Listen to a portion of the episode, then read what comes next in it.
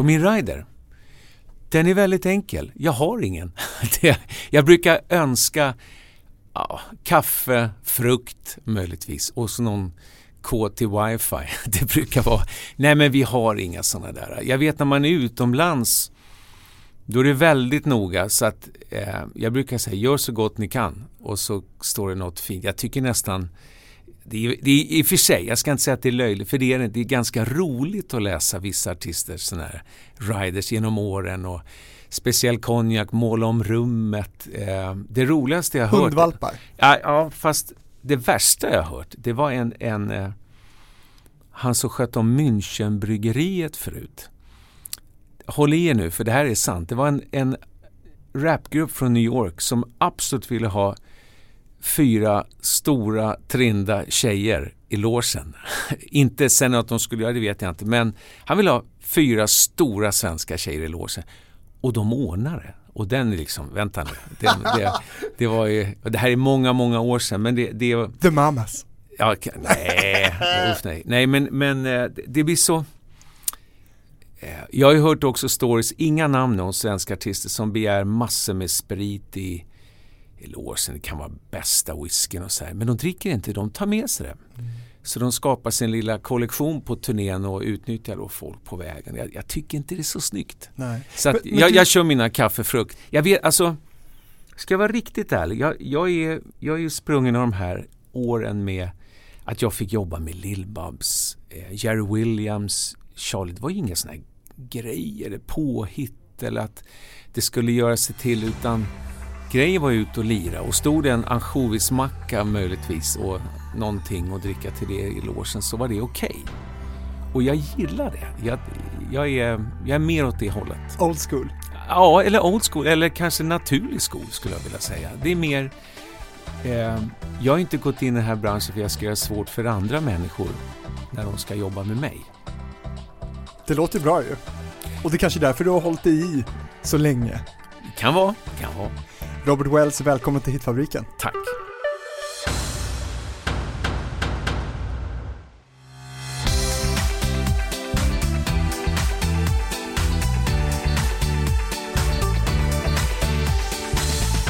En synnerligen grå eh, tisdag i mars får man ja, säga. Det är inte jättekul här, men det här är hoods för mig för jag, jag gick bredvid här Adolf Fredriks musikskola. Ja. Det är bara något kvarter härifrån, så här har man varit mycket när man var liten. Det var där det började? Ja, egentligen innan, om jag ska vara ärlig.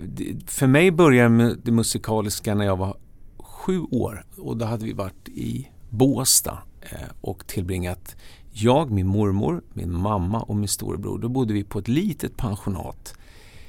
Och vägg i vägg bodde det två äldre damer, underbara fröknar från Vasastan, från Karlbergsvägen. Och eh, det visade sig att då ena fröken, hon var pianolärarinna. Och jag var jätteintresserad. Jag ville, ville verkligen spela eh, piano. Min mormor hade spelat mycket och så här. Och så, ja, första klass, bodde ute i Solna. Då körde min mamma in mig varje vecka två gånger till pianolektioner. Eh, sen blev det mer och mer. Sen blev det Adolf Fredrik. Och det blev så pass mycket och intensivt övande att jag kom in på musikhögskolan redan efter nian. Mm. Och eh, har det hänt efter det? Alltså, det måste vara helt unikt. Jag var först då, jag vet inte hur det var, men jag var först då att ja. komma in som etta där på klassiska. Och jag, hade ju, jag var ju smart. Jag, jag såg ju till att vara ordningsman som det fanns då i plugget. Jag vet inte om det finns nu. Det, det vill säga... Klassvärd kanske det heter Ja, det kanske är. Att man skulle skriva upp allas frånvaro. Jag skolkade som en hök sista året för jag ville ju öva. Jag skulle in på musikskolan. Så jag hade sån enorm frånvaro, men det var, skrev ju inte jag upp såklart. Så tills de kom på mig när det var fyra veckor innan examen, den var inte rolig. Men... Det var ju fusk Robert! Ja, jag vet. Jag, jag, men, men jag skolkade inte för att jag ville skolka så, utan jag hade ju hjälp av vaktmästarna Paul och Fredrik som jag fick nyckel till aulan där jag kunde sitta och öva innan plugget och efter, för de, de trodde på mig. Eh, så att de, de höll mig om ryggen. Och fröknarna från Karlbergsvägen, har de liksom eh, pratat med dig efteråt och, och eh, berömt din framgång? Vi ska veta att nu, nu pratar jag alltså en tidsepok. Jag började alltså 1969 så det är, det är många år sedan de, de gick ur tiden. Men de var inte helt glada. Eh, de var ju stolta men inte kanske så glada över att jag höll på med blandade stilar och sådär. Det, det var de ju inte på musikskolan heller. Boogie-woogie och sånt där, det var inget fint? Nej men pop överhuvudtaget, rock och funk, hur kan man spela sånt? Och jag menar, det var ju att jag åkte ju nästan ut eh, från eh, min första pianofröken men det var mer en diskussion och självvalt sen att det, det höll inte att ha en lärare som var så inskränkt i musikaliskt tänkande. Och det där är ju... Vi sitter nu då 2020 och eh, de här preferenserna och, och mitt arbete håller på med det bygger ju på de här åren. De här motsättningarna som sporrade mig. Jag är glad egentligen idag att det blev strul därför att det här har ju sporrat mig enormt mycket i värderingar kring musiken, hur man beter sig, hur man i mitt fall då som har pianoläger under sommartiden med ungdomar, hur man kan vidareföra det här med ja, enkla regler runt musiken. Ingen musik är finare än någon annan. Det, det finns inte i ja. min värld. Robert Wells Academy. Jag hoppas att vi kommer att hinna prata om det mm. också. För jag sa till dig innan Robert, här, det här är ju en utmaning. Du har gjort så otroligt mycket. Så vi ska försöka göra några små djupdykningar i din eh, karriär här. Du, eh, när vi spelar in det här nu så måste jag bara kolla med dig. Vi är ju mitt uppe i en hysteri kring ett virus som heter Corona. Ja. När var du i Kina senast? I augusti. Ja. Det är godkänt. Ja, jag tror jag är safe. Men du, hur känner du inför allt det här som, som har hänt nu? Det har ju varit otroligt mycket kring, kring Kina och eh, Corona. Jag hade faktiskt i bilen på väg hit, jag har ju lyckligtvis numera när man kommunicerar med Kina har man såna appar som WeChat och de här. Och de, ja, det är väl de enda som godtas. Nej men den, den funkar bra ja. faktiskt. Och vi har ju ständig kontakt med de här sångarna och de jag jobbar med. Så jag frågade faktiskt nu på morgonen, hur är det? Det här är lugnt nu. Nu är allt, alltså men de läser ju med eh, fasa hur Italien, därför en kille han jobbar på La Scala i Milano på operahuset och han är ju inte glad nu. Och sen har de också tagit del i kinesisk press om att fallen ökar i Sverige. Så att eh, det gäller ju bara att vara lika, de fick ju bukt på det. Mm. Jag minns, det var ganska läskigt, jag fick en bild ifrån en, just Wuhan, vi var där för några år sedan och gjorde stor TV, sån nyårs TV. Och den arenan där vi stod och gjorde aktion, det var sjukhus nu. Så att de, har ju, de gav ju järnet för att hindra allting. Mm. Och det till slut. Så du har varit i Wuhan i alla fall? Flera gånger faktiskt. Ja. Vi, jag har ju varit, det är helt inte klokt egentligen. Jag, jag har varit 57 gånger i Kina. Jag, inte för att man räknar? Nej men jag, jag, gjorde faktiskt det när vi, hade, när vi var där senast så satt vi vid middag så försökte vi komma på det. Jag kanske har missat någon gång men det som irriterar mig gruvligt är att när vi åkte dit första gången, jag hade ju inte en tanke på att vi skulle få åka dit något mer än en gång.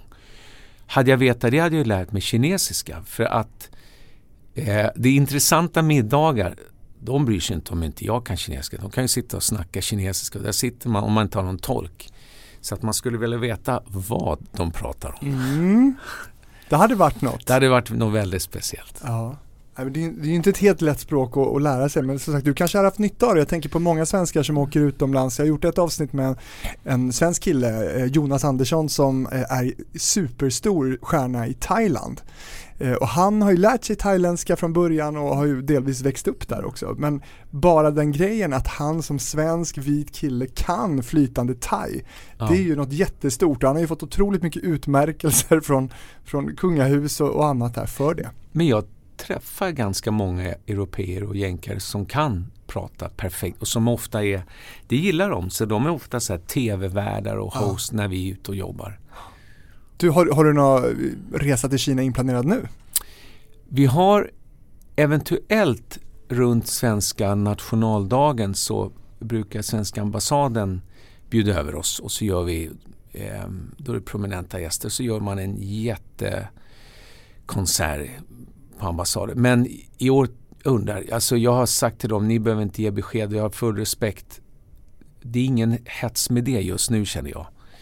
Utan det, det kan avvakta. Du behöver inte skynda dit? Nej. nej, det känner jag. Däremot som jag gärna vill skynda dit för, det var att senast vi var där i augusti så min pianoakademi har fått fäste där borta. Så att jag har ju gjort eh, det är helt underbart att få göra de här stora seminarierna och workshops med kinesiska ungdomar. Det är, det är sån hunger och sån vilja att lära sig mer västerländsk musik. Inte bara klassiskt utan... Vad lärde du dem då? då? Nej, men jag, framförallt det här, även när de... Jag har ju hållit på med klassiskt egentligen största delen av mitt liv och jag kan ju... Det är viktigt att det, att det inte bara blir en ska man säga, en show-off. Att det bara blir tekniskt kunnande. Det är helt ointressant i musik om du inte har någon känsla. Och jag försöker visa lite inlevelser i musiken när man, när man går in. Och jag har ju, det är många som Men har... saknar de det, tycker du? Generellt? Att det är mycket teknik? Ja, jag kan nog, emellanåt kan jag känna det. Inte alla såklart. Men ibland så är det också när tekniken det är nästan bara teknik och när den inte riktigt håller då finns det ingenting kvar. Nej. Utan jag försöker bara förklara för dem att det, det, det, finns en grej, klassisk musik, som jag tycker är värt att nämna. Det är att jag har studerat det. Jag improviserar, jag kan spela alla möjliga stilar. Och det tycker jag är viktigt därför att Beethoven, Chopin, Mozart, Haydn, alla de här, de kunde improvisera. Hade de inte kunnat improvisera hade de aldrig kunnat skrivit musiken. Du behöver den klassiska för, för grunden i ditt musicerande. Det är precis som att lära sig grammatik, ett språk. Men sen måste du kunna släppa det. Om jag säger till någon elev, sätt och, sätt och spela något nu. Eh, vad, av vilket stycke får jag höra då? Nej, jag vill inte höra något stycke, jag vill höra dig spela.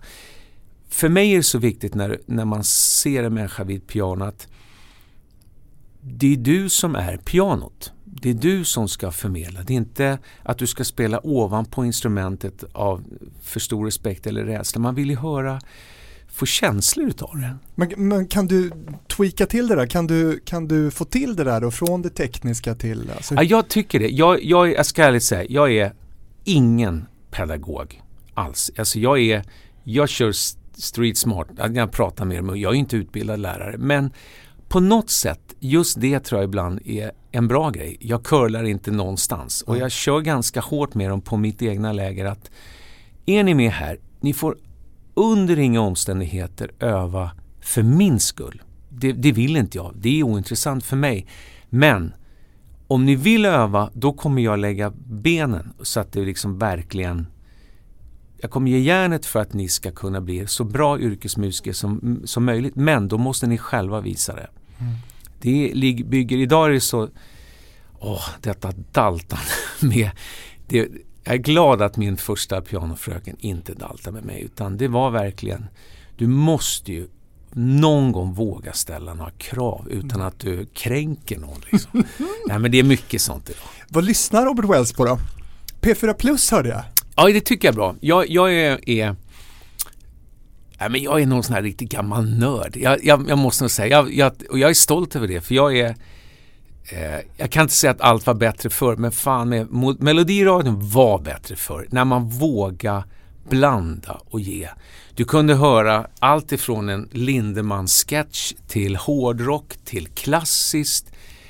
Det, det är sånt sagolikt fördummande idag som jag, jag tycker är så sorgligt. Och jag, tyck, jag, jag vet det här därför att när jag spelar upp för mina ungdomar och ger dem all möjlig musik. De sitter som tända ljus.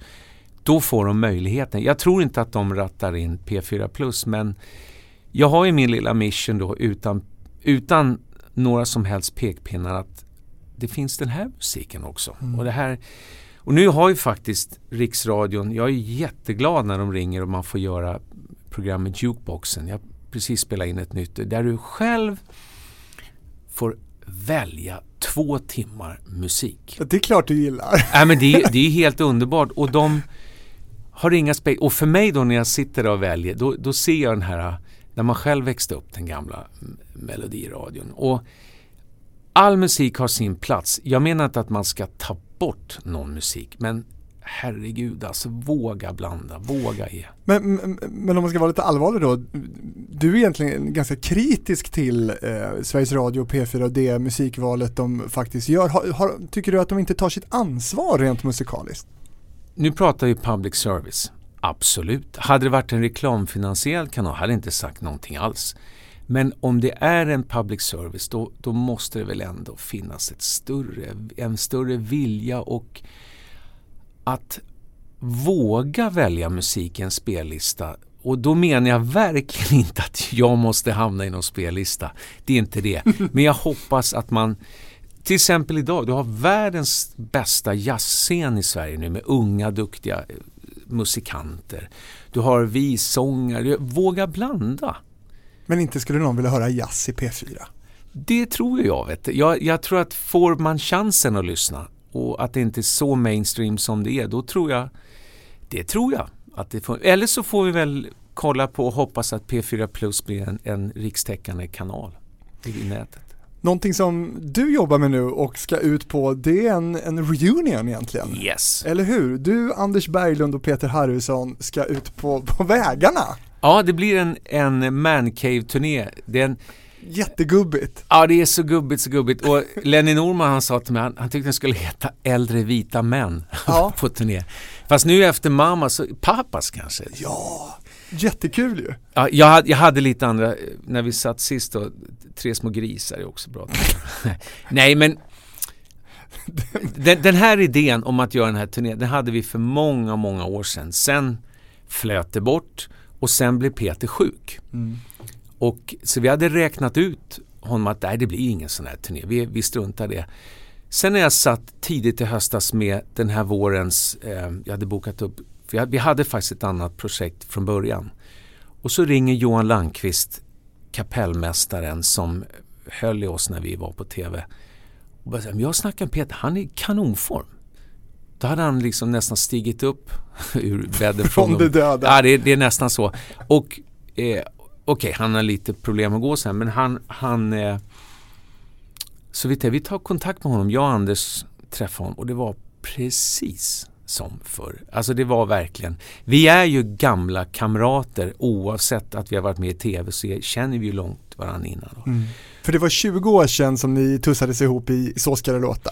Det är mer faktiskt. Vi hade, vi, 97? Ja, första piloten var faktiskt redan 96 och sen, var det, sen började det 97 då. Ja. Och när vi slutade 2005 då hade jag en Rhapsody Rock-konsert i Royal Albert Hall och då bjöd jag över herrarna så vi hade en riktig klang och jubelfinal och det senaste vi stod vi tre mm. tillsammans. Så att, eh, och det är verkligen tack vare Johan Landqvist som har dragit ihop det. Och jag kan säga för mig som alltid är liksom kapellmästaren eller bandledaren. Det är helt underbart för nu kan jag luta mig tillbaka lite och Johan tar det musikaliska ansvaret och sen så blir det bara ja, lek på scenen kan man säga. Ja. Det var ju nära att det inte blev Peter Harrison i Så ska det låta från början. Vet du vem som var tänkt, eller SVT frågade först? Nej. Lotta Engberg. Jaha. Mm. Men hon tackade nej. Men var inte hon på gång sen har jag hört? eller kanske det, Säkert. Säkert igen. Men det, hon, var, hon var ju så otroligt stor då när hon hade gjort eh, Kär och galen just på 90-talet. Det, just och det. då var väl SVT lite intresserade av att ta henne över och då var det Så ska det låta. Ja. Men så, det blev i alla fall eh, ni tre. Finns det någon, någon förutom då att Petra har lite problem att gå, vad är de stora skillnaderna från när ni träffades liksom och körde första gången till nu när ni ska ut igen? Jag tycker inte någon skillnad alls om jag är Nej, Du är dig sjukt lik. Nej men alltså, alltså du menar utseende? Nej, ja, men, jag, också. Jag, jag menar rent personligt. Nej, det var bara genuint kul att ses igen. Och nu går vi in i, eh, imorgon börjar på riktigt alla förberedelser. Sen ska det ju bli, jag är rädd att eftersittningarna kommer bli väldigt långa på, på nät. Ja, men och, mycket vi, mat. Ja, kanske, men framförallt att man sitter och berättar gamla turnéstories. Vi ska inte glömma bort att jätteviktig del i det här är bandet där musikanterna som var med då, de jobbar ju ofta med skifs och alla möjliga. Det är jättebra folk. Och sen har vi med oss Nina Söderqvist och Janne Åström som huvudgäster. Och sen har jag, ska vi testa en grej den här turnén. Det här är nog första turnén där vi inte kommer be folk att stänga av mobiltelefonerna. Utan eh, det finns en ny liten hemlig app som vi kommer presentera där folk kan vara med på ett helt annat sätt. Ett interaktivitet eller? Exakt. Ja, vad spännande. Man kanske till och med kan få välja vad till, som kommer hända på scenen. Till exempel. Oj, oj, oj, oj. Det måste vara helt nytt. Ja. Har det gjorts? Jag vet att jag såg det här på Musikhögskolan när de hade sin alternativa melodifestival för ett år sedan. Smask? Smaska, precis. Där hade de den och testade och jag tyckte Jan Berglund satt som jury. Det här måste vi ha. Det här snor vi. Ja. Eller hur? Du, ehm, du har ju en, en, en så otroligt eh, lång karriär och har ju verkligen stått på, på världens stora scener. Men, men så hade du vi kanske ska ta oss tillbaka lite till, för du hade ju, har ju också haft tuffa perioder där du mer eller mindre har suttit liksom på, på ICA Maxi i entrén och spelat. Så ta oss tillbaka dit, vem, vem, vad hände? Vem var Robert då? Ja, samma glada musiker och eh, i och med att jag jag var ju 16 år när jag började jobba. Samt jag gick på akademin, eller musikhögskolan, så började jag jobba professionellt för jag bodde själv och behövde betala hyror och allt det där. Men de här, det var åtta år som jag gjorde nog i stort sett alla typer av lastbilsflak man kan spela på, suttit vid rulltrappor som i varuhus och så vidare och så vidare. Och de där åren, jag kan säga det är det bästa som har hänt mig för att efter det när man då kom in som artist så hade du ju en förståelse för hur branschen fungerar. Det är verkligen inte bara rosa slott och det är alltid så bra och alla ryggdunkar. De, det är de du ska hålla dig undan ifrån så gott det går. Um, när jag gjorde min bok i höstas, Blod, svett och toner, då tog jag faktiskt med ett kapitel med kontraster. Och eh, då är det ena där vi står för 45 000 på Ullevi och nästa bild är från när vi står och lirar vid mammakläder på Ullared. och jag kan ju säga att det, bland de värsta giggen jag gjort någon gång, det var ute i Hemmesta, Värmdö. Då var det, jag tror det var Vivo där som låg, 1996. Och, bara, och det var så här, du vet, det var lika gråmulet som idag. Det regnade lite mer, det var ganska kallt. Vi stod utanför vid kundvagnarna och spelade i sent i september. Ja. Och så står vi där med bandet och vi, ja, vi lirar på, vi höll höll ett sånt här tjänsteflin som man ska ha på så man ser glad ut. Vivo Hemmesta. Ja. ja. Och så kommer folk fram till oss. Tänkte åh skönt. Nej, de tog kundvagnarna för ja, man skulle ja. gå in. Och sju år senare, jag minns det var en låt som hette Nutrocker vi spelade då, så spelade vi den på Ullevi för den här jättearenan och fullsatt och allt det här. Och jag kom på det där mitt under giget så jag började garva. Och så tittade jag på min basist Lasse Risberg som också var med och sa vad garvar du åt? Men kommer du inte ihåg? Vad fan vi stod utanför vi och Hemmesta och lirade för 17 pers. Det är samma låt. Så att det, den här branschen den är så fylld av kontraster och det är ju det som är charmen med det här. Det är det hårda arbetet. Det är ju en... Eh, om man bara inser den grejen att och, och förstår här att det är mm. faktiskt kul att spela på riktigt. Vad ska du ha för att sitta i en ICA-entré idag? Nej, står det något piano och jag ska in och handla så kommer jag sitta. Okej, gratis. Nej, men jag är sån här som tycker det är lite synd om pianon som står själva. Ja. Det, det, är lite ledsamt. Det är samma sak om man går in i en hotellbar och eh, eller varför inte om någon bjuder mig på middag. Jag är ingen trerätters stillasittande människa utan innan någon ens har bett mig eller ens vill så sitter jag vid pianot och lirar om det står något. Men har du tagit över någon hotellbar någon gång? Ja men det har hänt ganska mycket. Det, det fanns ett ställe i Östersund som var otroligt trevligt som hette Gustav III där de hade en pianobar. Där försökte vi till och med, vi åkte omvägar för att komma dit efter andra spelningar. Norrköping fanns det också pianobar, eh, Hogis som Nej, det var Sundsvall, förlåt. Som vi, som vi ofta var i och eh, hängde på på mm. nätterna. Då. Mm.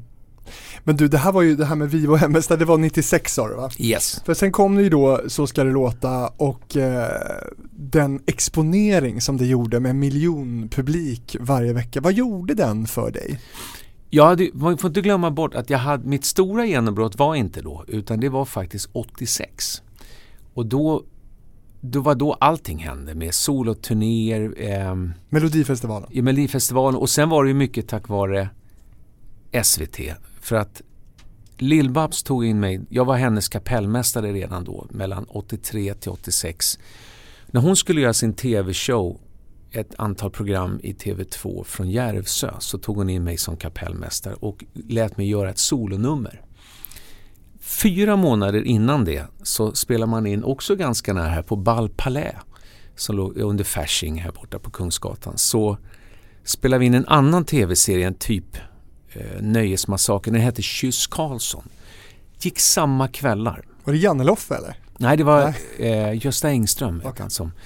Och tänk då, två tv-kanaler, TV1, TV2. Jag är i TV2, två program fredagkvällar.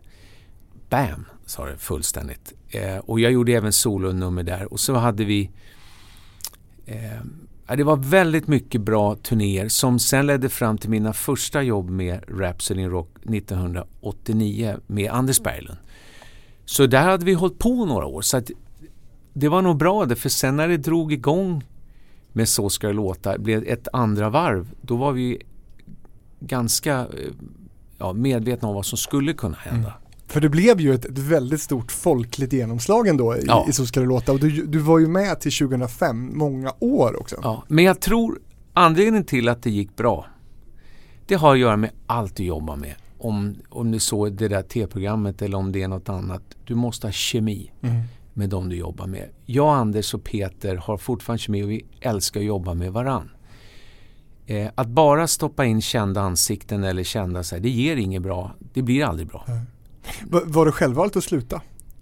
Vårt kontrakt gick ut. Vi hade nog kunnat fortsätta men de ville ju byta med och det var nog väldigt, väldigt bra att de gjorde och det gör de ju konstant förnya vartefter. Det, det tycker jag är klokt. Men själva idén är ju, det här är ju inget, det är inget nytt att göra musikalisk lek. Jag vet ju att Så ska låta från början är ju egentligen en amerikansk variant på Name That Tune som fanns förr. Och det är att man gissar låtar och så här. Och jag menar, jag växte upp med älskar det här med Karl-Uno Sjöblom som heter Notknäckarna ja, ja. och Sten Broman, kontrapunkt. På tal om gubbigt. ja, men, du, ja visst, men det var så, du, du lärde det, det var intressant mm. och med den här 10 000 kronors frågan, alltså det är så mycket sådana här program med gammal underhållning. Jag älskar det där mm. verkligen och det är det vi hyllar med den här turnén. Nu, nu har man ju sagt från SVT att man ska göra en paus här med, med Så ska det låta. vad, vad tycker du om det då? Ja, både och tycker jag. Alltså, de hade nog kanske fortsatt. Eller så är det bra att de... Alltså, det enda problemet som jag tror eh, det med serien det är att det kommer inte tillräckligt fort nya gästartister. Att det kanske blir lite mycket recycling. Men Sarah var ju bra nu. Ja, det är ingenting, eh, så för den skulle tror jag inte de behövt lägga ner. Men det Hon kan... lyfte ju otroligt tyckte jag jo, programmet. Jo, absolut. Men det kan ju vara kanske bra, ta mm. en litet break. Hade du velat göra det igen? Inte sitta med. Nej. Nej. Utan vet du vad, jag är så glad att de här, vet de här första två, tre åren, det var de bästa. Då var det, då var det mindre bryt, det var mindre då var det mera jammigt, mera eh, tok och jag gillade det. Melodifestivalen har ju, var ju du inne på lite här. Du har varit med två gånger i den svenska Melodifestivalen, 87 med Sommarnatt. Ja.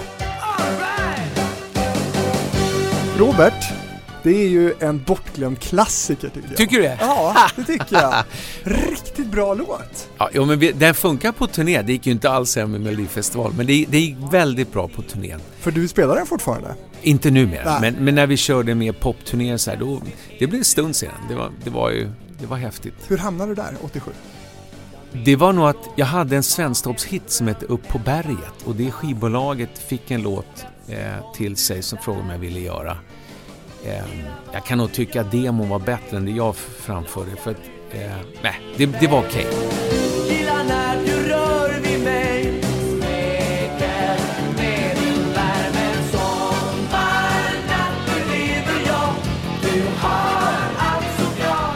Men jag var ju med och kompade mer kan jag väl säga då, Sofia Källgren 2003.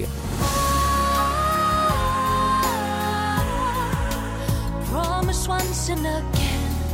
My love will go on with you near my love. Sen så eh, 2010 jag hade varit mycket i Ryssland och jobbat och då frågade den ryska managern och han hade en grupp från Vitryssland och de behövde pianist i sitt nummer.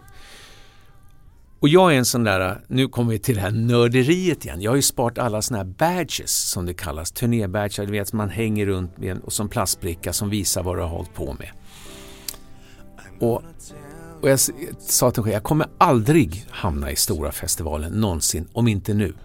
Så att jag hängde på direkt eh, och var med i Oslo och så tävlade vi med eh, fem riktigt eh, väldigt fantastiska ungdomar, hårt utbildade på konservatoriet som de satte ihop. De kallades för 3 plus 2.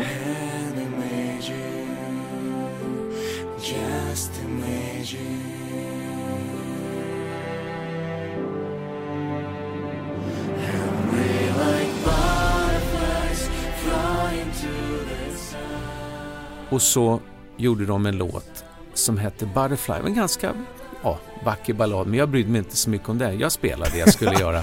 Men, duktiga ungdomar, inte så jättebra på engelska va? Nej, det kan man lugnt säga. Och vi, vi försökte köra med de här i Sverige när koreografen Lotta Furubäck så vi, på repetitionen försökte vi, nej men så här måste ni kanske, det gick inte.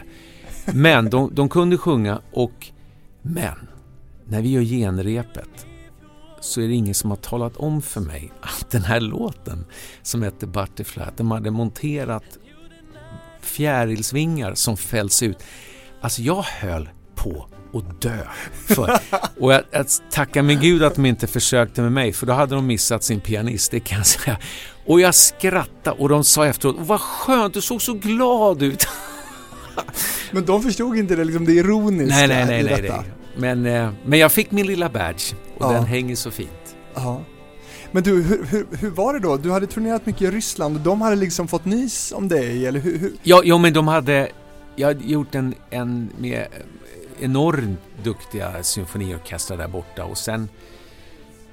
Ja, så visste de att, att eh, de, eh, de ville ha en, en bra pianist bara Mm. som, som funkar. Och egentligen bra pianister, det, det, det är ju playback. Ja, precis. Det är egentligen, jag kan säga att never, never again kan jag säga och tillbringa så lång tid i Oslo, nu var det spelar ingen roll om det är Oslo eller vad det är, men och inte ta en enda riktig ton. Nej. Det är Fruktansvärt. Men det här var egentligen bara på din bucket list att vara med? Det här var exakt Mm. min bucket list och jag är, jag är en sån där, jag har ju en, en, nu kan vi inte visa det i podden här, men jag har ju en armlänk ehm, som visar en egen inskription. Jag har ett litet motto. Som heter Only action brings ideas to life. Och det är mitt motto. Att du ser till att fixa det. Tro inte att någon annan ska göra det åt dig, utan då gör du det själv. Mm. Men det här med Vitryssland då, att, att det var just det landet, hade du några betänkligheter kring det? Jag tänker på att det kanske inte är ett superdemokratiskt upplägg på det där landet och ja, Vet du vad? N- när, när vi åkte dit hade inte en tanke på det. Jag tänkte inte ens då. Eh, Helt faktiskt, jag visste inte så mycket heller om jag ska vara ärlig. Vi var ju med på en stor popfestival där först, där alla var med, även Bosson och ja, all, massor med folk från hela, hela Europa. På, vanlig popgal, alla åkte dit. Elton John var där och spelade och Tina Turner och så tänkte man ju inte på det.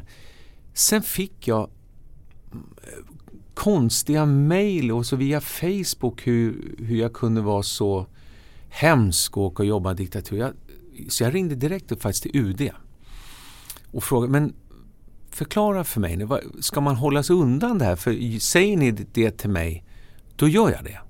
För jag förstår inte det här riktigt utan jag är en sån här som tycker att musik och sport, det enar.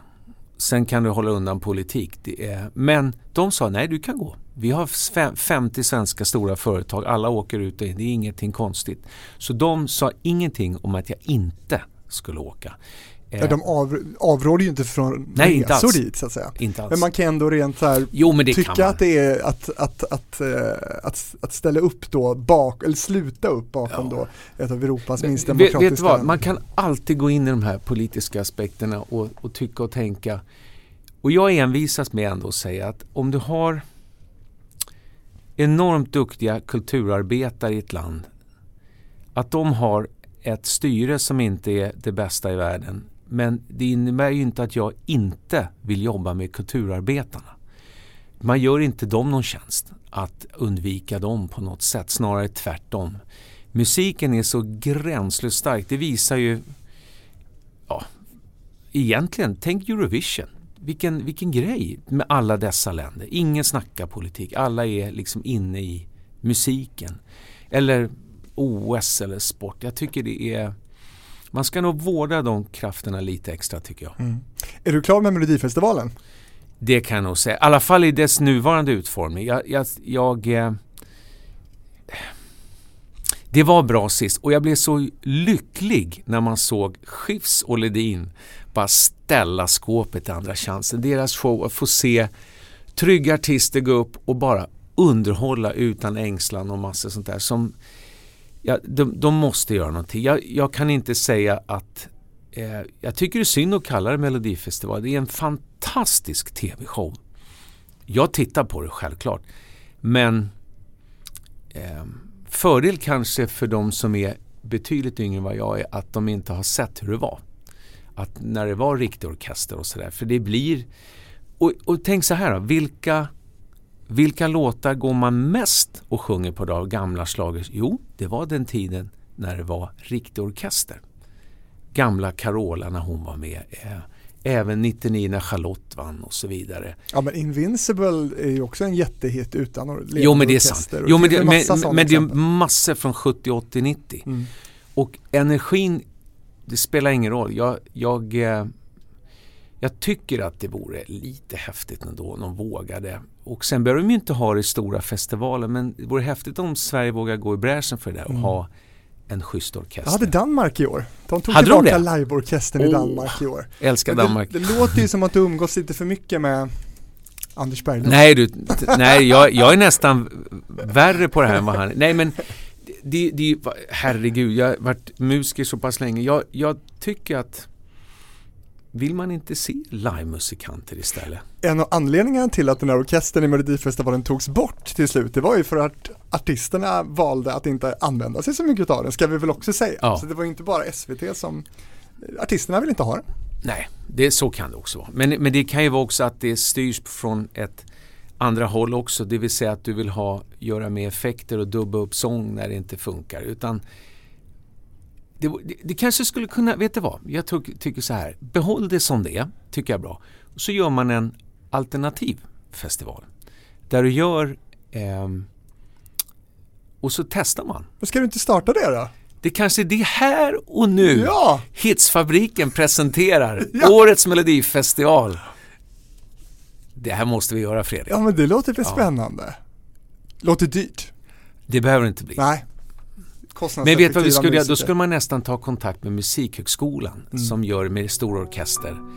Och ni som inte har sett deras melodifestival, det är det bästa som finns. De, de är så roliga. De hade ett år, det är mycket musikalisk humor också, de hade ett år obligatorisk tonartssänkning. Ah! Ja, till allas jubel. Mm. Men där är det fullstor symfoniorkester, fantastiska dans och sångnummer. Mm. Det får man titta in då på och gå på smask helt enkelt. Just eh, kort lite grann om Céline Dion. 2007 så är du med och skriver och spelar piano på A Song For You. Mm.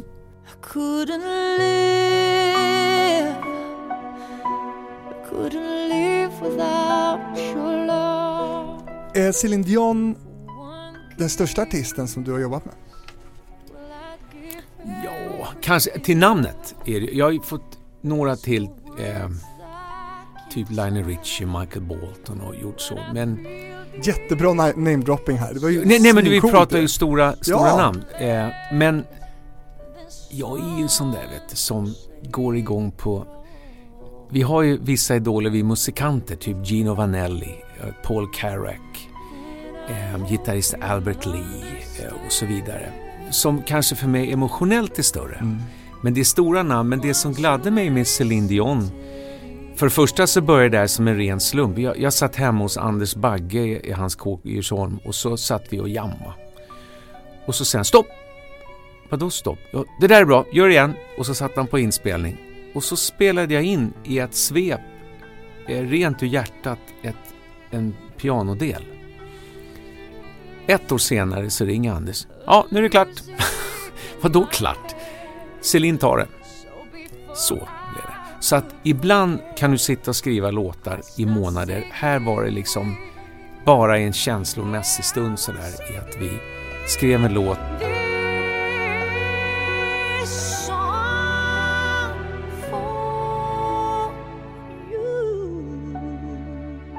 Vi åker över till Las Vegas. Vi är på Palm Hotel. Det är bara hon och jag i studion. Det, det var magiskt. Tända ljus och vi fick en sån otrolig feeling och, och musicera tillsammans. Sen när vi kom hem så la Anders Bagge på symfoniorkester efteråt. Ja. ja. Men när vi säger Gino Vanelli, eh, jag hoppas de flesta vet vem, vem han är. Min kostymör som var med oss i Dalhalla för tio år sedan, hon visste inte. Hon sa Åh gud vad roligt, jag har alltid älskat Milli Vanilli. ja, inte riktigt. Ska du säga då för alla de som möjligen då inte vet? Ja, alltså det är bara att googla på. Mm. Kolla YouTube. En av de bästa, bästa sångarna som finns i, vad ska vi kalla hans genre för? Jazz, pop, soul, funk. Alltså han har alla, alla kedjor, alla delar i sitt mm. musicerande. För att inte tala om Paul Carrack som eh, var med Mike and the Mechanics. Eh, hans röst är också bland det häftigaste jag fått mm. jobba med. Eyes of Blue. Oh, bra låt. Oh, vad bra. Fantastiskt. Living låt. Years. Ja. Men du, bara för att återknyta lite till, till eh, stunden du hade där ensam i studion med, med Céline Dion då med levande ljus och sådär. När, när du är där, kände du, fick du mer smak av, av det där internationella låtskrivarlivet på, på den nivån så att säga? Nej, nej det fick jag inte. Det var, jag tyckte mest var kul att känna att jag är stolt över att vara en bra ackompanjatör. Eh, för jag har ju haft men vet när jag var 16 och började på restaurang Änglen i Gamla stan, då fick du lära dig kompa folk som inte kunde sjunga, som inte höll takter, som inte höll tonarter. Då fick du åka skridskor alltså på tangenterna för att hinna med. som så ska det låta? Ja, och för att få stora öron som vi kallar för att du lyssnar, att du lär dig lyssna och känna in. Det är ett, ett skrå i sig som jag verkligen gillar när du får jobba med duktiga eh, sångerskor och sångare att man när du, det här samspelet när du bygger upp någon, när du känner att du får den här dynamiken, det, det, det är häftigt. Ja, för hur var det då att sitta och ackompanjera just Céline Dion? Nej, men man hittar henne, hon är ett proffs. Det var inte så svårt. Hon, jag tror det var tredje tagningen så satt det. Mm. Det var inte konstigare än så. Utan hon var, vi fick en bra film och det var så pass kul att hon året efter, hon kom till Globen, då visste hon att jag skulle komma dit så hon bjöd upp mig så vi gjorde den på scen. Hur är hon?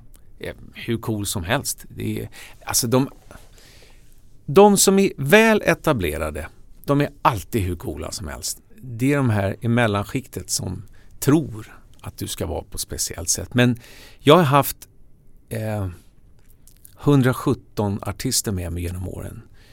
Och eh, jag kom på det när jag skrev boken, jag räknade ut och det är några som jag aldrig ringer igen.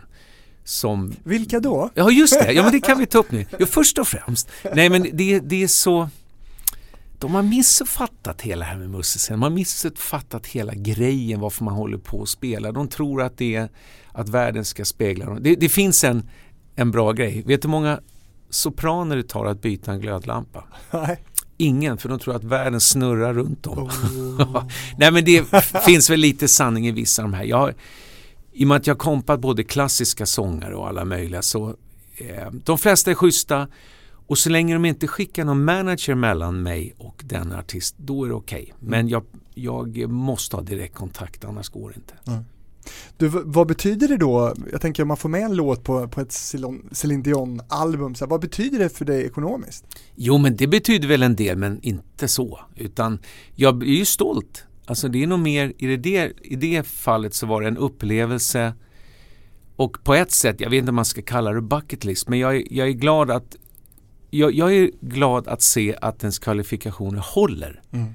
när det kommer till det. För man har ju det är klart att man har en väldig respekt för, för eh, många amerikanska artister men de vi har haft här och alla möjliga duktiga instrumentalister. Jag hade John Lord från Deep Purple. Eh, tyvärr lever inte han längre men det var ju homerun för oss. Det var ju fantastiskt att se hur bandet, hur vi lyckades entusiasmera honom och, eh, och jag minns när Gino Vanelli kom in till repetitionen första. Milli Vanilli? Ja, Milli Vanilli, ja, precis. när, när Gino stiger in hade lite sådär avvaktande attityd, solbriller på i den här mörka lokalen och all right, så kör han lite så, så Play Appaloosa är en av hans största hits.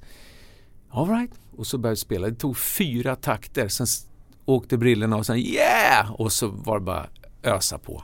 För att det kanske är så när de kommer till Sverige, de vet inte att vi kan ju jag stolt kunna säga att vi bor i ett enormt häftigt land med så jättemånga duktiga musiker.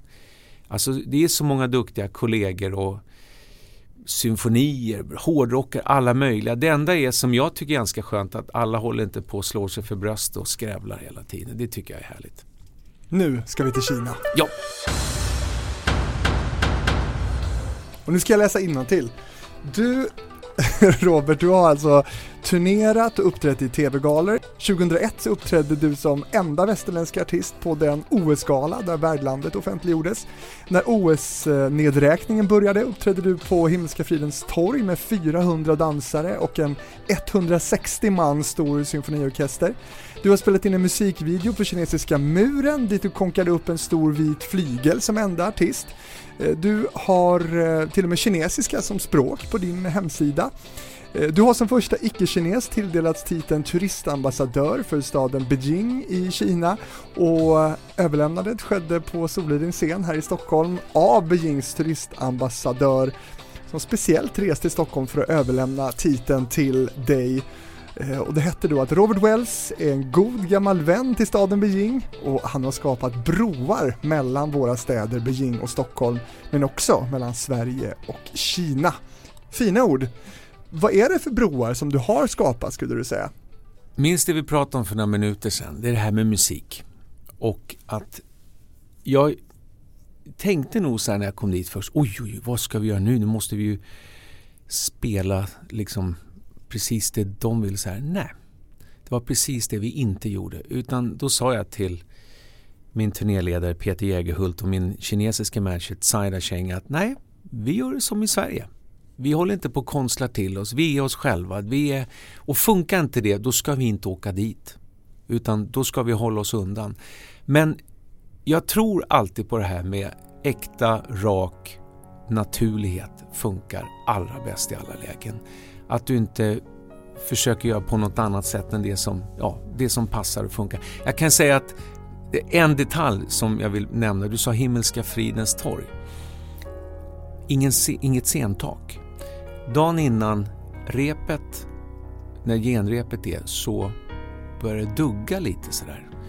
Och forecast var att det kommer bli ett skitväder. Vad gör man då? Jo, då åker man upp med helikopter och spränger bort regnmånen. Och det gjorde de.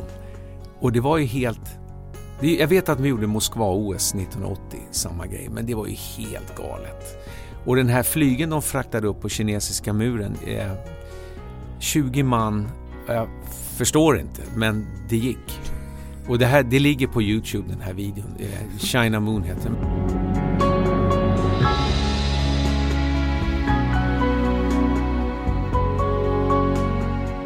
Men vad är det med din speciella relation då med Kina?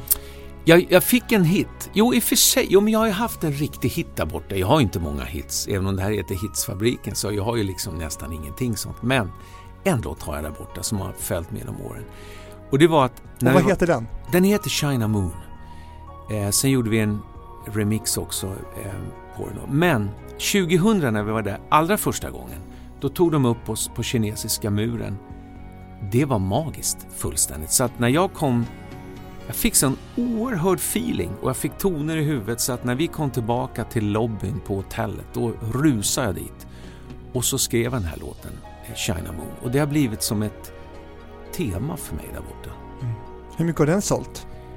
Ja, säkert har den sålt på piratmarknaden ganska mycket men du får inga pengar för plattor där borta. Ja. Det, det, blir inte så. Men du får ju uppmärksamhet på det och du, jag fick ju göra den här, eh, videon är helt magisk där vi gjorde på kinesiska muren. Sen gjorde vi även i Temple of Heaven klockan sex på morgonen med en stor gigantisk röd flygel och fåglar som flög omkring. Det var, det var väldigt speciellt. Ja, jag förstår ja. det. Och du, 57 eh, resor då till Kina, det är nästan, det är nästan så att, att du, du liksom har klippkort eh, och pendlar Mycket dit. eurobonus blir det. Eller hur? Ja. Jag tänkte precis fråga dig, du åker ju inte economy. Inte, inte arbetsresor, det gör Nej. jag aldrig. Och det har att göra med att när du åker dit då är det så här, då är det inte att du åker dit och vilar upp det några dagar utan om man åker en exempel måndag eftermiddag till Kina. När vi landar 09 deras tid på morgonen, då börjar du direkt. Har du inte sovit då? Jag, jag vet någon resa där vi inte åkte så. Jag gick inte och sov på hela natten. När min, min PI då, min turnéledare, har fått liksom slå mig hårt i sidan för jag har somnat på en stor presskonferens och tv-sänt. Liksom, jag har varit helt färdig. Så att det har blivit... Eh, eh, de har till och med skickat privatjet ibland och så. Så det är bara, det är bara att skratta och tycka det är kul och så åker man med. ja, det låter ju helt fantastiskt ja, får man väl säga. Ja. Du, hur är det med, eh, vad, vad, är den största publiken som du har haft där då? Där, jag tror vi var en gång i Hangzhou var vi uppe i 73. Mm. 73 000. Eh, det är häftigt, alltså alla de här största, vi har gjort, när, vi, när Råsunda fanns gjorde vi det här i Sverige. Vi gjorde de flesta fotbollsarenor, Ullevi två gånger. Och mm. det är, jag är så glad och tacksam att jag har fått uppleva det. Men grejen, musikaliska, när det verkligen hettar till, det är när du ser alla. När du har ögonkontakt med kanske ett, i ett konserthus, teater som vi ska ut nu med, Berglund Harrison.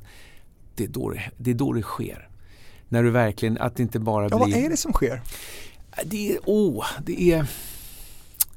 Jag hade mycket diskussioner när jag jobbade med eh, Charlie Norman om det här. Vi turnerade jättemycket tillsammans under många, många år.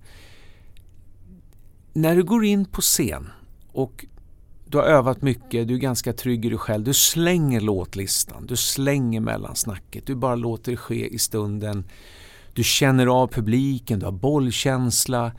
När du känner att du börjar koka i salongen den känslan, det är, det är inte mycket man skulle göra annorlunda kan jag säga. Det, mm. är, det, är, det är värt varenda kilometer i turnébilen. Det är då din pall ryker? Ja, ibland gör den det. Men, ja. men, men eh, det, det, och det, det är väl alla, jag, menar, jag tror inte det är en slump att jag är 57, tänk så många är långt över 70 som åker turné nu. Det är ingen slump. Vad, vad är bättre? Sitta mm. hemma och och räkna slantar eller titta på TV. Du måste ju, om du är en duktig duktig artist, duktig instrumentalist, fysiken är hyfsat behåll, ut och mm. lira istället. För det där har jag funderat faktiskt på eh, några gånger när, jag, när, man tänker på till exempel en sån som Elton John kan vi ta ja. som ibland åker till Karlstad arena liksom och sitter och uh, spelar. Han gör ju inte det för att han behöver det nej, ekonomiskt nej, nej. eller så. Var, varför sitter han där? Bästa orden kring allt det här, det var munspelaren Charlie McCoy som jag jobbar med. Han är 78. Han jobbade med Elvis och Bob Dylan och alla möjliga. Han, han kommer till Sverige i, i, höst och vi ska jobba ihop. Han, jag sa till honom, men you work a lot. Well, Robert, I don't need to work, but this is who I am. Det säger allt. Stolthet, älskar att stå på scen, älskar att spela.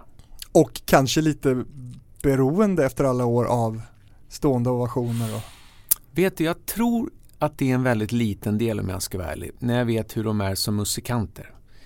Du, när du är i Kina då, eh, vad är de största skillnaderna att turnera då i Kina och i, i Sverige? Jag gissar ju att du har en del crazy turnéminnen därifrån.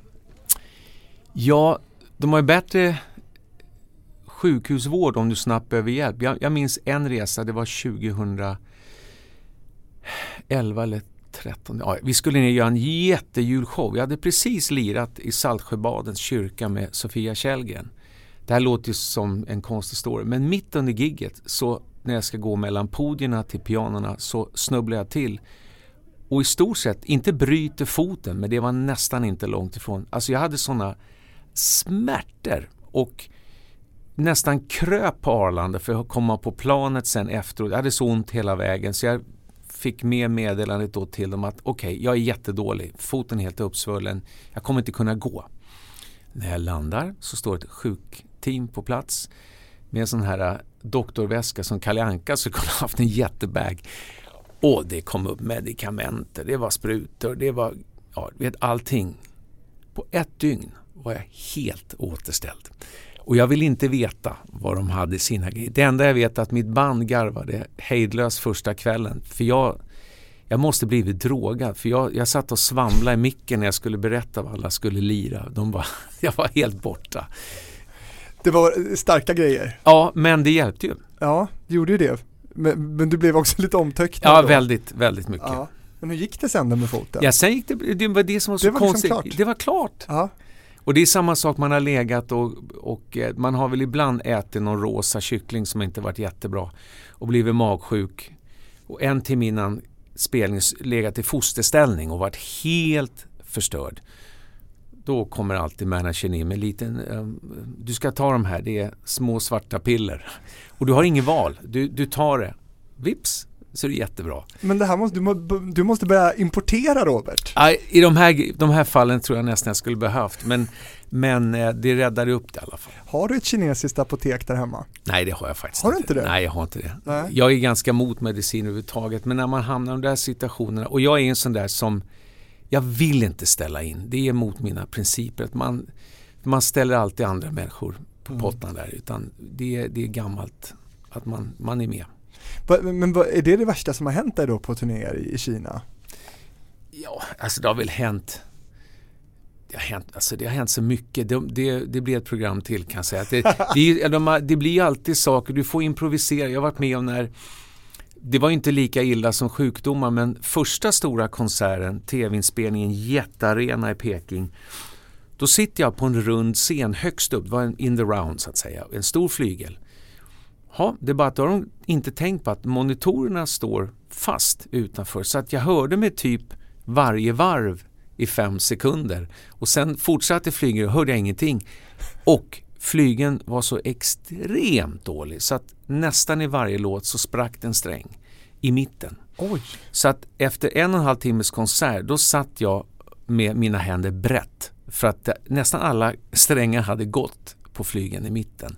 Det såg lite kul ut i TV. Du spelar sönder flygarna Nej, där. jag spelade den, de, de, det var så fuktigt, extrem fukt Ja. och eh, den var illa stämd dessutom. Då var du förbannad efteråt. Nej, Nej. Du, du det, det, här är, det här är så det är så makabert, du kan inte bli arg. Nej, och jag, jag, jag tänker dig som att du, blir du arg någon gång? Ja men det är klart jag blir om det, om det är saker som jag vet ska kunna göras bra. Men, men vad är det, alltså jag tror återigen de här kompåren när man var med och kompartister. Allt är inte livsviktigt som rör ens egen person hela tiden. Det går att garva. Det händer saker så händer grejer. Mm. Jag, jag, jag är inte så... Jag tycker det är ganska osensuellt när människor tar sig på för stort allvar. Och det är så mycket med image och det är mycket omkring sig själva som person. Det är, det är inte min väg. Nej. Du, vi var inne lite på Vitryssland förut och så pratade vi om, om Kina nu. Va, vad är det med dig och diktaturen? ja, just det. det eh, ja, alltså. Det är nog att det märks att jag är där. Vi får inte glömma bort att det är ett stort kulturellt utbyte med Kina. Det är verkligen inte bara jag som är, är där. Och så Och länge... affärsutbyte också vi säga. enorma affärsbyggen, Mm. kulturella med vår kungafamilj. Det är, det är väldigt mycket som sker där borta. Men känner du att du då i den position som du har, du är ju väldigt upphöjd där då, och här, känner du att du måste liksom parera ibland, vakta din tunga? Så skulle du kunna kritisera Kina till exempel? Alltså jag skulle kunna säga mycket saker som helst om Sverige också Mm. egentligen. Men vad är min anledning? Jag är musikant. Och jag, jag har aldrig riktigt förstått det där att kollegor, musikanter, artister Okej då, vi lirar bra. Vi lirar bra instrument, vi kan stå på en scen. Det innebär ju inte att vi är någon politisk kommentator i detta. Jag, jag är faktiskt, det låter ju inte som något plus, men jag är ganska ointresserad av politik Mm. om jag ska vara ärlig. Jag, jag är intresserad av goda människor, jag är intresserad av kulturella utbyten där du kan med musiken ge kraft helt enkelt. Men, men som kulturarbetare och musiker som du är, visst kan man väl också använda då sin, Mm. sin makt för att kanske till och med Mm. förbättra då mänskliga rättigheter och sådär? Det kan man säkert göra. Men jag, jag är inte så förtjust i det du säger, det man säger använda sin makt. Alltså vad är makt? Jag ja, jag började inte öva pianot för att utöva någon slags makt för att jag är en duktig musiker. Utan, utan jag är jag behåller nog gärna musikantskrået och fortsätter med det. Mm. Och de som har behov uttala sig, använda sitt jobb, det är perfekt. Låt dem göra det. Du, du har inget att säga om Gui Min Hai? Nej, e-, egentligen inte. Det vore idiotiskt för mig att, att sitta och, och, prata om saker som jag inte riktigt vet hela bilden av. Det vore mm. dumt. Mm. Och eh, överhuvudtaget det som sker eh, det som sker ute i världen. Du ska vara sakkunnig, du ska vara gärna politisk reporter och vara insatt. Då ska du uttala dig. Men att försöka locka med människor för att jag kan lira massor med saker på pianot, det, jag, jag, nej det är inte min grej. Nej.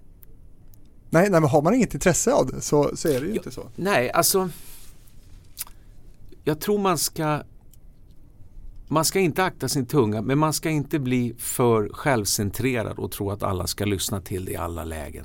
Jag tror det är farligt farlig, farligt tänk och för mig är inte det ödmjukhet heller. Ödmjukhet är ett jätteviktigt ord samtidigt som du ska vara rak. Mm.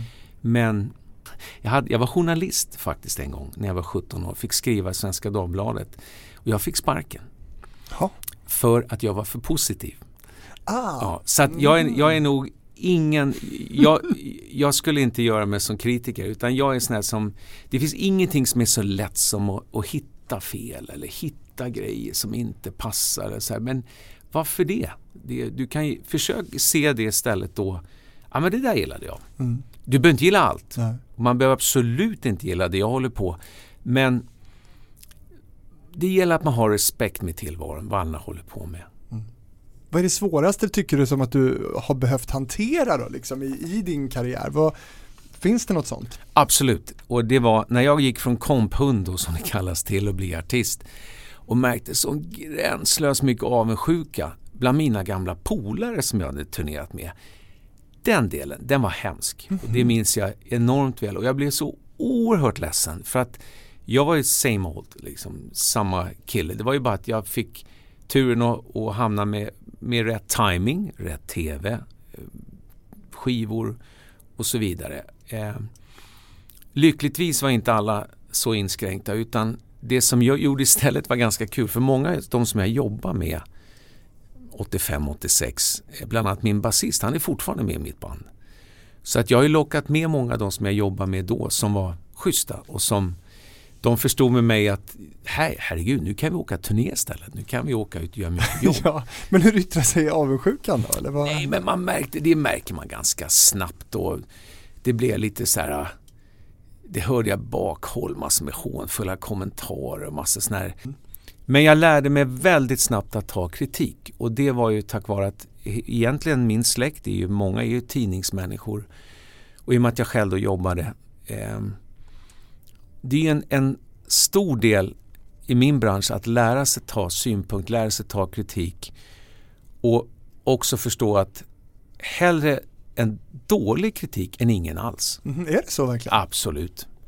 En dålig recension är bättre än ingen? Absolut. För tänk dig själv, bemöts med tystnad. Den vill du inte ha. Den, den känns? Ja, den känns. När du bemöts totalt med tystnad då har du ju inte påverkat eller gett intryck, avtryck. Så att jag, är, jag har ju sparat min mamma när hon levde, hon började spara till, alltså jag har sparat sådana enormt härliga recensioner. Det är allt från, alltså vet, uselt till världsklass och det kan vara samma konserter fast olika tidningar. Så att det där är en underhållning i sig. Det betyder, nu ska inte jag ta udden av någons arbete men det, det jag har märkt genom åren att det har ingen betydelse för någon biljettförsäljning. Ibland har vi fått riktigt dåliga recensioner och det har varit helt utsålt och, vice, och vice versa. Men eh, tidningar, artister behöver journalister och journalister behöver artister. Så det är ju där. Har du fått det erkännande tycker du som, att, som du är, är värd eller förtjänar med den framgång som du har haft? Bland det finaste jag fått, det var faktiskt när jag fick kungamedalj 2012. Det var, det var väldigt, väldigt stort. Är du royalist? Ja, det är Men för entreprenörskapet som jag har hållit på med, det, det var jag mäkta stolt över. Jag var så pass nervös när jag skulle ta emot det här ihop med några andra professorer på, på slottet precis när jag ska gå fram till kungen så är det någon som rycker i min kavaj. Då hade jag glömt en gigantisk prislapp som hängde ner. Jag hade köpt en ny kostym. Och jag var så nervös att... Oj. Ja. Det händer ju inte. Men du måste ha ju träffat kungen och, och i många sammanhang. Jo, det har jag gjort. Men just att få medalj, du vet det var... I huvudtaget när du får en utmärkelse, jag är med i någonting som heter Stallbröderna. Och jag fick verkligen tårar i ögonen 2000 när jag fick deras utmärkelse som Årets artist. Vet att få av kollegor, det är jättestort. Och det behöver inte vara något jättestort pengapris eller något sånt där. Det är bara grejen att du får det. Mm. Vad har du kungamedaljen idag? Den är väldigt fin på, den står fint på kontoret och bild. Det gör det? Ja, oh ja. Vad fint att du tycker att det var så stort. Ja, jag tyckte det var väldigt stort. Det, det är ju i och med att att vara musikant innebär ju också att du måste ju vara entreprenör. Annars ja. så spricker det ju helt. Är du en entreprenör som har koll på din ekonomi? Jag har alltid, alltid haft, sen tidigt 80-tal, så det fanns en, en, det här är ganska underbar människa som heter Jan Beime som var pappa för Per Gessle och Schiffs och alla möjliga. Och när jag började som kompmusiker då tog han kontakt med mig när vi jobbade med Lillbabs på börsen. För jag hade ingen koll, alltså verkligen noll koll. Vi bara lirade, köpte instrument, kanon. Då tänkte jag, det är jättebra. Men då lärde han, sig, lärde han mig att pengar det är ett visst värde när du ska investera men ta bara ut en lagom månadslön. Det är det du ska göra. Och det där har följt med så att när många jag vet att han klippte kreditkorten av många artister på den tiden men det behövde han aldrig med mig i och med att man kom från en musikervärld där inkomsterna inte var så stora. Mm. Men han lärde mig allt det här och hade de inte sagt åt mig att jag skulle spara liksom i pensioner, det hade jag, det hade jag aldrig ens tänkt på. Men det har du gjort? Det har jag gjort tack vare att jag fick råd av dem. Och det är, är och jag menar... Du kommer ju aldrig gå i pension Robert. Nej men nu, åh oh, jag älskar det här. Tack, nu kom det nämligen min bästa fråga här. För att det är precis det här. Jag har massor med kompisar. Vi har, vi har en, en eh, MC-grupp eh, där alla då, de är allt från polischefer till militärer till snickare. Du vet, alla gör alla jobb. Och de bara snackar om pension och pension. Jag, och jag och min turnéledare som också är med, så, va? Vadå pension? Jag menar, Charlie McCoy som jag sa, han 78 år, han lirar för fullt. Ja. Det där är något som någon har skrivit att man ska gå i pension. Jag, jag kan inte ens tänka den tanken. Och det, det är bra att det finns men jag var 28 år när jag började med Charlie Norman, då var han 70. Mm. vi jobbade i 14 år, då kan du tänka. Men grejen är väl att det kan hända saker på vägen som gör att du inte kan jobba kanske? Jo, det, det är väl det? Jo men, jo, men det finns väl en, en, en trygghet i det såklart. Men herregud, det, det, nej. Vet du, jag har ju, jag har ju liksom kollat dina bolag här, vet du vad du omsätter? Nej. Det vet du inte? Jag har ingen inte ens på, mellan tummen och pekfingret? Nu, nu, nu, ska jag säga en grej, och det här är jag inte stolt över. Men jag, jag slutade läsa för några år sedan för de bara skrattade åt mig. Då sa jag, ja här är papper, titta. Men jag sa, jag fattar ju inte. Fyll med sån här grön filtpenna. Vad har jag? Ja. Tack, det räcker för mig. Ah, och har jag, mm. har, tar jag min månadslön och gör och sen måste jag, har jag alltid sagt, eh, att det är viktigt eh, de projekten jag går in i måste jag ha täckning för att göra. För jag, vill, jag har aldrig gått, peppa peppa, aldrig gått i konkurs, vilket många gör i min bransch. Jag skulle aldrig kunna sova om nätterna om jag visste att någon annan hade blivit blåst tack vare att mina bolag hade försatt någon illa.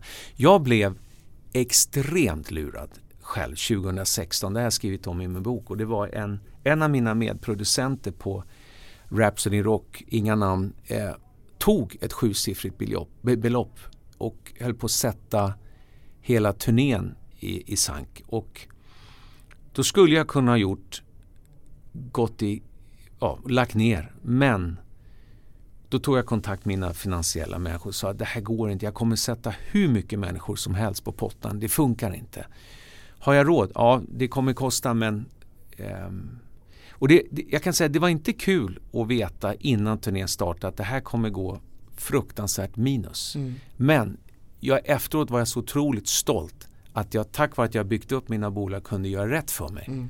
Och det tyckte jag var viktigt. Det känns som att jag, jag har ju suttit här med många artister och musiker mm. och det känns som att alla har blivit lurade ekonomiskt på Oh något ja, sätt. och det, det är bara Vad en. är det med det egentligen? Ja, vad, vad de säger, musiker och boxare. Ja. ja. nej men det är, det är jag vet. Men Alltså det är man ju hemskt. Ja men det värsta är, senast nu råkar faktiskt ut innan jul, hör på den här. Vi, vi, vi har spelat i Lettland, två stora välbesökta julkonserter. Jag känner arrangören. Efter alla är glada, står vi på en bensinmack mellan Lepaja och Riga på natten, ska till hotellet. Vi tar en korv, du vet, midnatt Så kommer han fram. You know Robert, I don't think I pay you. Och va?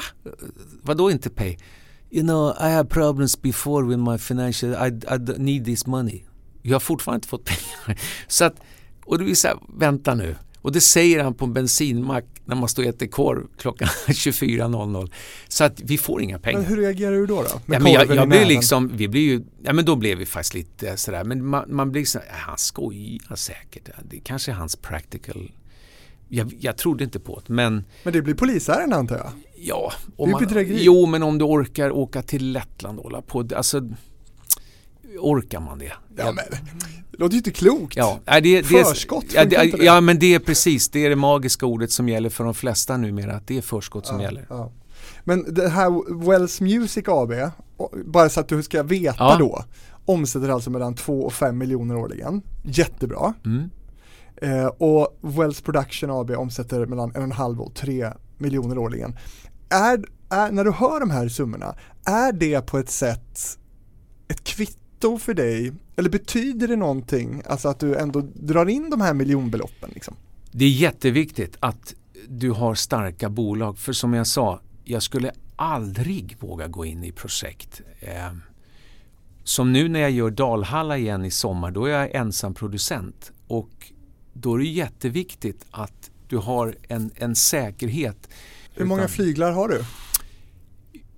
Det vet jag. Eh, Jag har rikt, alltså riktiga flyglar, tre stycken. Men sen har jag ju mängder av turnéinstrument i ett stort lager som vi använder konstant. Är det Steinway? Nej, faktiskt inte. Vet du, det här är lite roligt. Min, min viktigaste flygel för mig, den köpte min mamma till mig när jag var åtta år. Det är en liten Malmsjö och har så mycket personlighet för mig. Så den, det är den jag övar på. Det är, det är ingen... Du kanske skulle få tusen spänn om du kör, men för mig är det ju värt hur Det mycket? så kallade affektionsvärdet. Exakt. Var klipper du dig? Jag klipper mig inte så långt härifrån, vid Odenplan. Eh, en tjej som heter Lena, Salong Egoist. Eh, Salong Egoist. Ja, den heter faktiskt Ja. så. Eh, hon, hon springer förbi med saxen. Nuddar. Hur ofta är du där? Nej men ja, någon gång varannan månad kanske något. Jag är nyklippt nästan nu, Ja. en, en vecka sedan. Syns- Jättefint. Ja, du ser.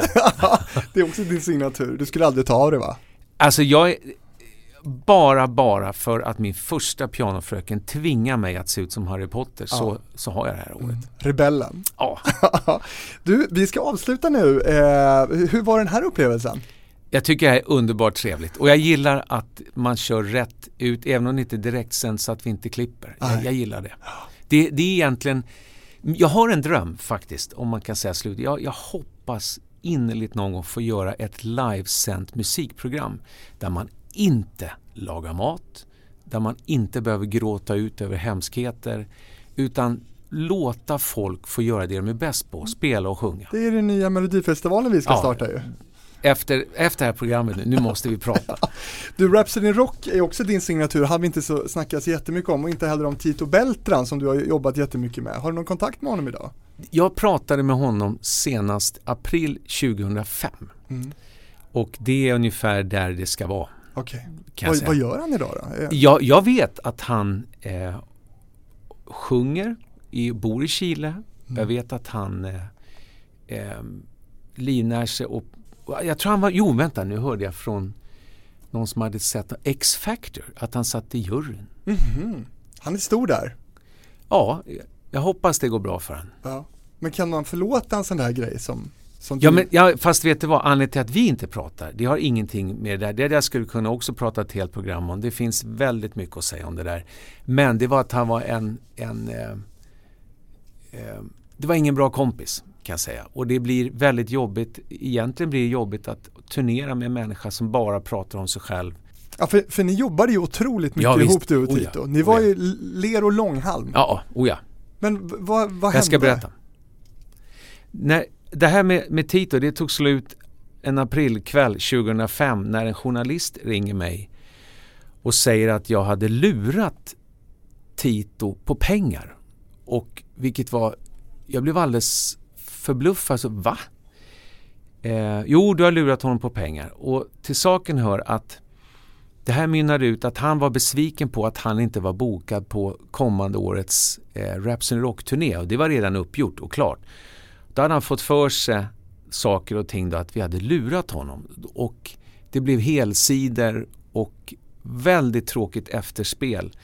Och då kände vi alla i ensemblen, alla vi som jobbat med honom, det här var inte okej. Utan Så då stekte vi honom och det var, det var sista gången eh, som vi hade kontakt. Men fick du något svar på varför han gjorde sådär då, eller? Han var besviken på att han inte fick åka turné. Men besvikelse för att åka turné till att skylla någon för att du har lurat på pengar. Och det är det vi har pratat om mycket. Att det är det värsta du kan säga till mig. För det, det skulle jag aldrig göra. Och det, det tog mig väldigt hårt i och med att jag hade hållit också honom med väldigt mycket jobb under så många år. Mm.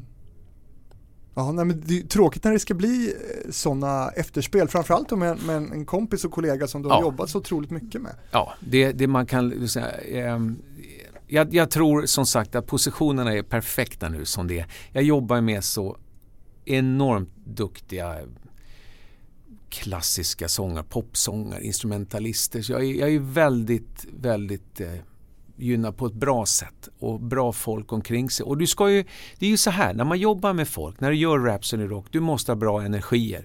För vi är 70-80 pers Mm. jämt som jobbar med det här när vi gör de här stora konserterna. Och, och då, då måste du ha den här feelingen där alla är ju alla lika viktiga. Det spelar ingen roll om du drar kablarna bakom scenen eller om du roddar trummorna eller om du står längst fram. Därför det du är inne på nu, det är väl lite varumärket. Alltså Ja. jag, jag vet att Diggiloo har jobbat jättemycket med just varumärket och vad man vill vara. Ja. De har väl någon slags nolltolerans nu tror jag på alkohol och sådana här saker. Ja. Att det, ska, och, och jag menar, det här skadar väl varumärket. Framförallt det då som hände när han blev dömd i hovrätten för eh, våldtäkt. Ja, men vet du vad? Varumärke eller inte varumärke, egentligen. Det är mer hur, vad tycker man själv. Alltså, du, du kan ju inte gömma dig bakom ett varumärke och säga beror på det och det, utan jag gillar bara inte det om du beter dig illa. Jag tycker inte det gynnar vilket projekt eller turnégrej du än håller på med, utan var en bra människa. Du som lyssnar på det här, vill du komma i kontakt med mig, då gör du det på e-postadressen fabrikspost@gmail.com. Följ gärna med också i Facebook, eller på Facebook och Instagram, eh, där den här podcasten heter Hitfabriken, eh, lämpligtvis. Robert Wells, tack för att du var med. Tack!